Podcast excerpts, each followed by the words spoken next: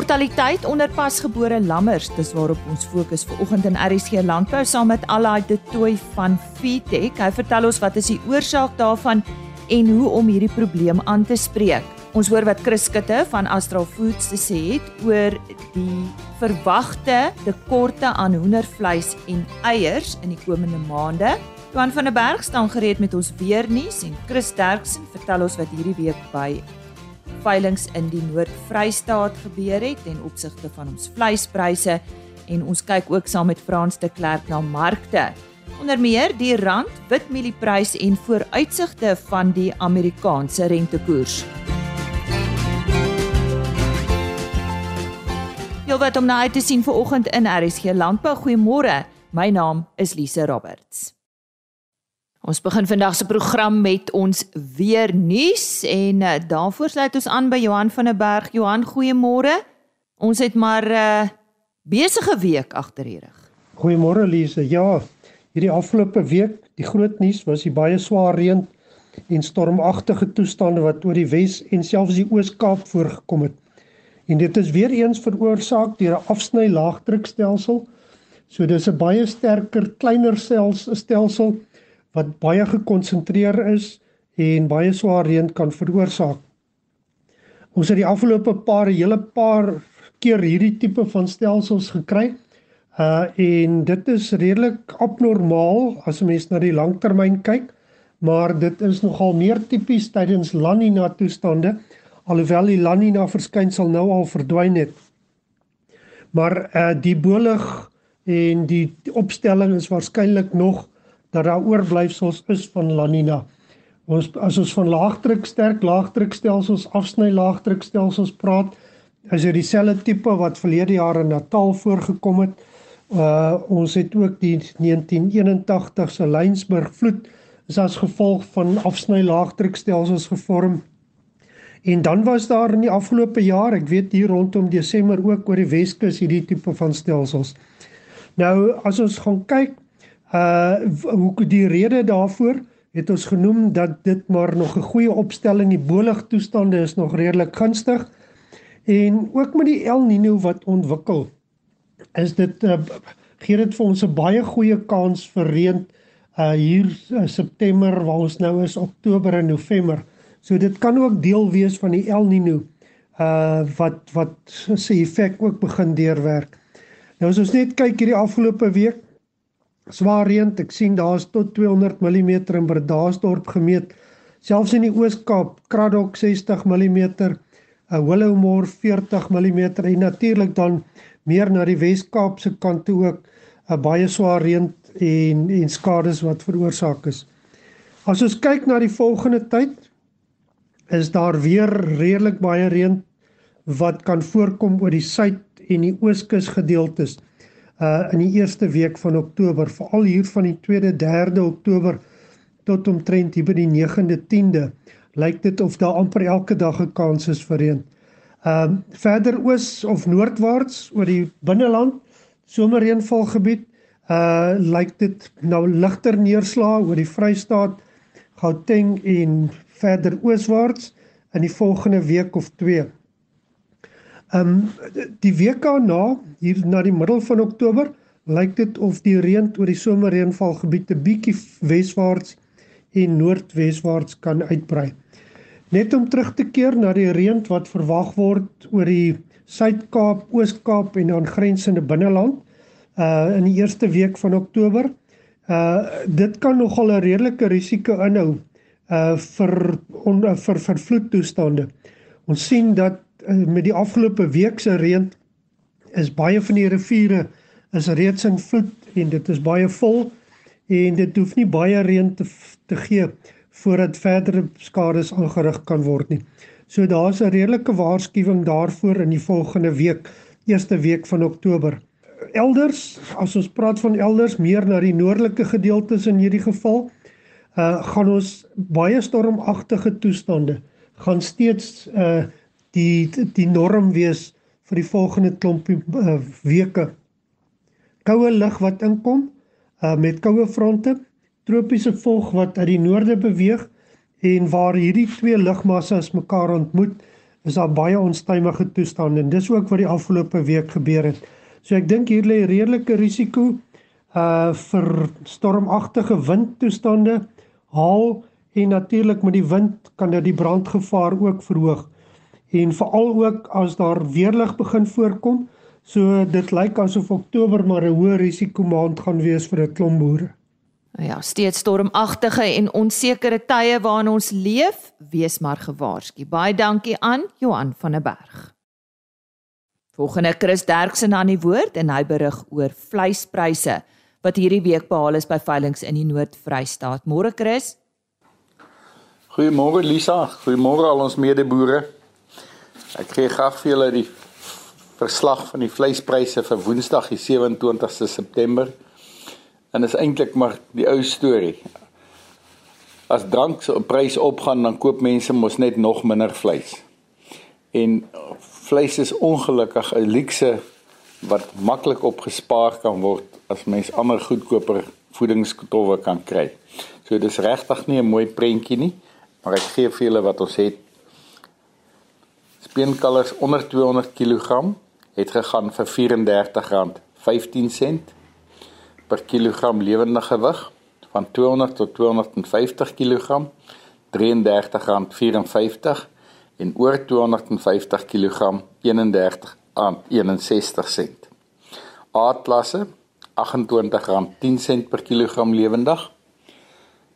B-klasse was daar nie. C-klasse vetkoeie R22.44 en markkoeie R19.81. Slagbulle R26.10 en vanaf die skaapmark stoorlammetjies R39.78 per kilogram lewendig. Stoor slaglammers R37.75 stoorskape R30.62 en vetskape R31 presies bokke kan ek julle weer net geskatte pryse gee lammers is plus minus R49 per kilogram lewendig en oeye R39.15.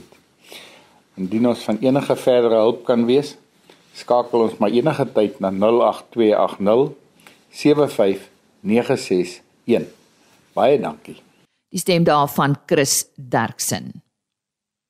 Kenners meen daai lekker braai hoender gaan dalk 'n skaars kommoditeit op die Kersfees spyskaart wees. Ernstige tekorte aan hoendervleis en eiers word in die komende maande weens die voëlgriep uitbreking verwag. Kom ons hoor wat sê Chris Skutte van Astral Foods. But this happens in our breeding facilities, which means beyond the breeding facility, there's a pipeline in the market. So if we draw a, a direct linear program from when breeders are culled or when they die to when it will physically impact a shortage of a broiler is approximately two and a half months. So whatever you've seen or heard in the market about bird flu, it will not have a direct impact on the shortage of broilers in the short term. We project that impact would only be seen in the first to the second week of December. En so sê Chris Skutte van Astral Foods.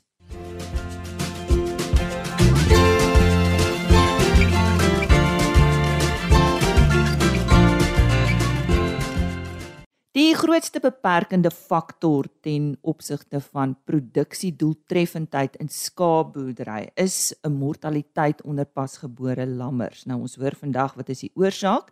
En hoe om die probleem aan te spreek en gesels met Alaid de Tooi van Feedtech. Alaid, goeiemôre. Wat is die oorsaak hiervan? Ehm um, daar seker meer as een rede. 'n uh, Goeiemôre Lize en ook die luisteraars. Ja, daar is vele redes vir mortaliteite onder pasgebore lammers en ons kan eintlik heeldag daaroor gesels. Uh een van die grootste oorsake is egter onvoldoende inname van kolostrum of dan nou biesmelk soos dit algemeen bekend staan en uh, veral gedurende die eerste 24 uur na geboorte.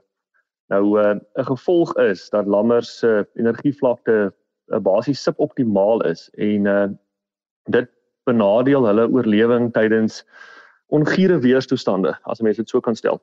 Nou kolostrum inname lewer 'n baie belangrike bydrae tot die versterking van die bindingsproses met die ooi en uh laer inname benadeel die aspek natuurlik dan ook.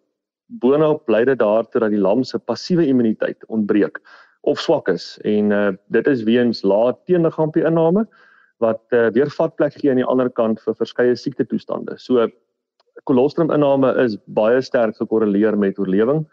Om jou idee te gee, lammers benodig ongeveer 200 ml kolostrum per elke kilogram geboortegewig gedurende daai eerste 18 ure periode na geboorte en dit is in redelike weerstoestande.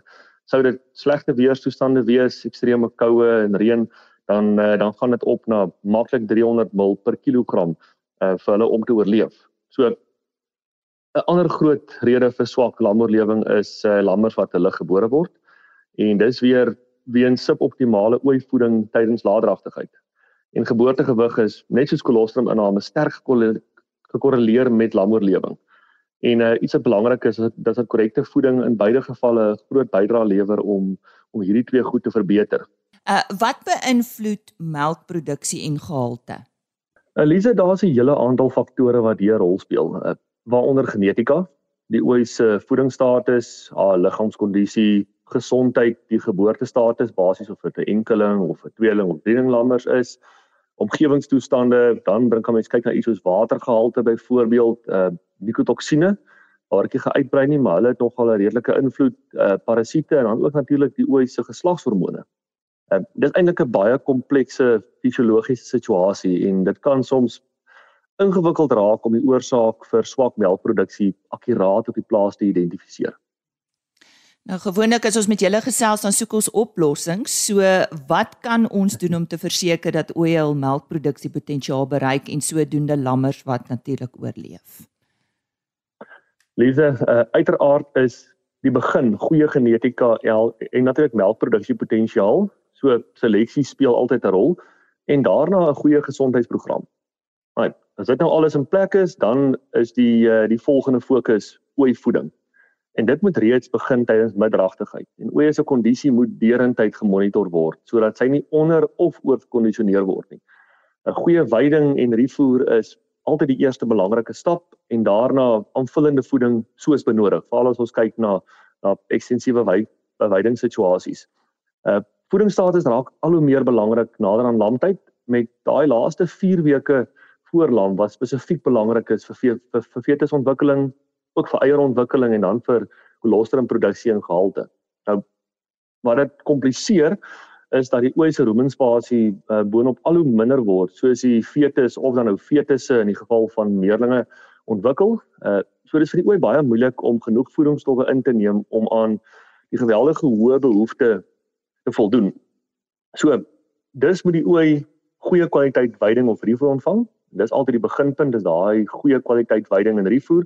So veidingsbestuur uiteraard baie belangrik. Uh en dan wat daarop volg, uh aanvullende graan, goeie gehalte deurvloeiproteïen en 'n gebalanseerde vitamiene en minerale uh status is uiteraard baie belangrik om uh om enigstens vir wat sê die ooit die die geleentheid te gee of 'n realistiese kans te gee om suksesvol geboorte te te skenk aan 'n sterk lam en om genoeg goeie kwaliteit kolostrum en melk te produseer. En ek sê hierdie is weer eens nog meer belangrik by oeye wat dragtig is met met meerlinglammers, veral tweelinge en ek moet sê drielinge nog meer belangrik. So dit is die die, die groot kern hier kom neer op op goeie voedingsstatus, nie net tydens laadragtigheid nie, maar van van middragtigheid al die pad deur en dan spesifiek in daai laaste daai laaste maand voor lam.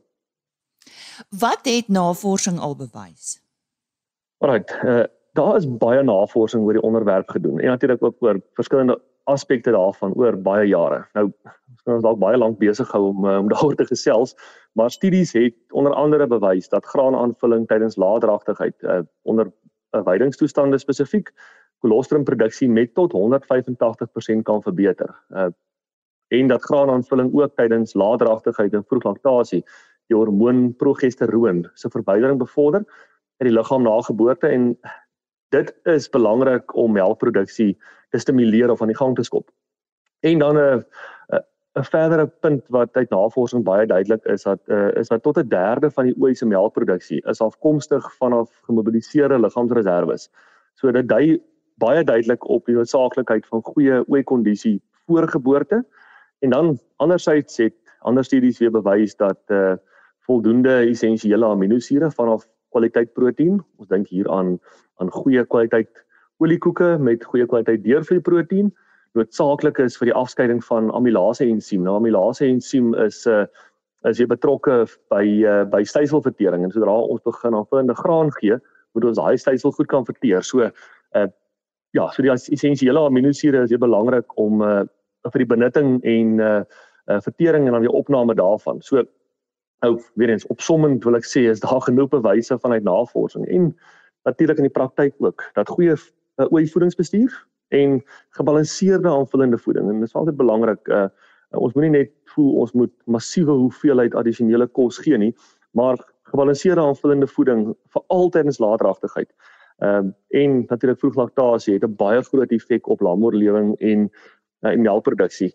Ek kan dit dalk uh, dalk net weer beklemtoon ook. Ek sê dit baie vir uh, vir kliënte in die veld. Ehm uh, onthou die jou poise voedings status gedurende die laaste maand voor lam het 'n groter effek op melkproduksie as die as die eerste maand wat jy vir haar na lam aanvullende voeding gee. So dit is baie belangrik om uh, om seker te maak dat sy genoeg reserves het om uh ja, om goed weg te spring. Elaat baie dankie. Daai boodskap het regtig baie duidelik oorgekom die belangrikheid van uh van voeding. Uh Allei de Tooi van Fitech wat vandag met ons gesels het oor uh die grootste beperkende faktor ten opsigte van produksiedoeltreffendheid in skaapboerdery. En dit is mortaliteit onder pasgebore lammers en hy het vir ons goeie raad gegee hoe om uh, dit te vermy. Gesels gerus met hulle, kontak hulle by www.fitech.co.za. Vir 'n kykie na ons markte, tans van belang vir ons produsente, sluit ons aan by Frans de Klerk, 'n onafhanklike tegniese analis. Goeiemôre Lize. Dit is so lekker om weer 'n bietjie te gesels en vandag gaan ons eintlik een van die mees belangrikste grafieke amper kan 'n mens sê in finansiële markte bespreek. Maar voordat ons na daardie grafiek kyk, dan wil ons net eers kyk na die wit mielies want die wit mielieprys het 'n baie mooi loopie agter die blad en dit lyk nou vir my asof hy amper wag vir rigting inteendeel baie van ons tegniese ontleeders sien dat die markte die een na die ander gemengde sein deurgee en dit sien ons in aandele in enige belegging sien jy dit rentebeleggings dit is amper asof die wêreld wag op nuwe rigting nou die Witmielie-prys het 'n lieflike loopie gesit. Onthou dit is die nabye kontrak hier van R3500 per ton en hy's nou net net noord van die R4000 vlakke. Maar daar's 'n interessante beweging hier. Daar's ons sit dalk met 'n klein vlagformasie dat as hy bo 4060 kan kom, dan kan hy hom dalk so hoogs druk na 4165, maar ongelukkig as hy 3970 breek na onder, dan kan ons homself sien hier na 3800 180 en ek dink 'n uh, nie onmoontlike vlak is selfs 3700 55 want daar lê 'n pragtige venstertjie op die grafiek. So, kom ons hoop dat hy hou, maar ek dink die mielieprys wag eintlik vir die rand en die rand gee vir ons 'n baie besliste mengel of 'n gemengde prentjie. Ons weet nie of die rand wil bo R19 kom nie want elke keer wat hy daar by R19 kom, dan is dit amper asof hy so vaskop. Nou vir die boere is dit nogal redelik belangrik om die volgende te weet. Ons sit nou met 'n posisie dat as die rand bo R18.93 begine vaskop, is daar 'n klein kans dat hy 'n 'n vlagformasie na boontoe breek en dit kan hom vat na R19.17 toe. So dit is 'n verswakkende prentjie. Eers onder R18.40 kan ons verwag dat die rand 'n versterkende tendens gaan gee en dan kan hy dalk self so ver versterk as R18. Maar ongelukkig, as hy R19 38 breek en hierdie is 'n baie belangrike vlak, dan sit ons hier met 'n reusagtige omgekeerde kop en skouer op die rand wat die rand baie sleg kan benadeel en dit kan die rand self so hoog vat soos R20 en 40 sent as hy regtig onder druk kom. So boere moet daardie R19.38 rand vlak dophou. As hy bo dit kom, kan hy baie aapsterte maak En ons weet nou natuurlik dat soos hierdie rand stelselmatig tekens van verswakking deurgee, begin die die die brandstofpryse of die dieselpryse hoër raak en natuurlik verhoog dit insette ook vir boere. So wees maar versigtig, hou hierdie rand dop. Ek wil amper sê ons groot vlak is R18.40 om dop te hou en aan die boonste kant 19.38 en natuurlik die sielkundige pendulum van R19 bo R19 gaan hy beslis vir ons 'n verswakkende tendens begin deurgee en ons wil dit nie graag hê nie. Nou as ons kyk na die belangrikste grafiek en dit is hoekom ek baie graag hierdie grafiek wil bespreek. Hulle noem dit die TLT en dit is die die 20 jaar ehm um, bond of wat ons sê leningseffek van Amerika. Hierdie grafiek sê vir jou wat verwag word met rentekoerse. Nou die grafiek het so stelselmatig so begine vaskop so 'n paar dae terug en almal het gedink bo 94.12 kan hy begine beweeg na bo wat eintlik sal gesê dat rentekoerse moet eintlik begin daal. Maar skielik na meneer Powell se gesprek laasweek en beleggers gewaarsku het dat ons dalk baie maklik nog weer 'n rentekoersverhoging kan gee, sit hierdie grafiek op 89.18 en terwyl hy onder die volgende vlak is en dit is die seker die belangrikste vlak wat ons vir boere kan deurgee, terwyl hierdie grafiek onder 90.7 is, sê dit vir jou dat die Amerikaanse markte hoër rentekoerse vir die toekoms verwag. So boere kan hulle beplanning daarop doen en as jy dalk die grafiek wil opsoek en hom dalk volg saam met my, die kode is T vir Tinus, L vir Leon en T vir Tinus. Met ander woorde TLT en terwyl hy onder druk is en daardie grafiek laer gaan, sê dit vir jou dat die wêreld hoë rentekoerse verwag en nie lae rentekoerse verwag nie en daarom is dit belangrik vir boere om hulle beplanning daarvolgens te doen. Dankie Lize, ons kuier weer. Besoek gerus ons webtuiste www.fransklerk.com vir meer inligting en ons gesels weer. Baie dankie Frans. Frans by fransdeklerk.com indien jy graag met hom wil gesels. Net iets oor uh, maandagooggend se RSG landbou. Ek het gister met Rinet Koleski van die Gamtoos besproeiingsraad gepraat. Die Kouga dam het sedert Maart maart met meer as 50% gestyg. Baie goeie nuus vir landbou en ook die inwoners van daardie omgewing en uh, ons hoor wat sy hieroor te sê. Dis maandagooggend in RSC Landbou. Onthou RSC Landbou maandag tot donderdag 25 oor 5 tot 10 voor 6.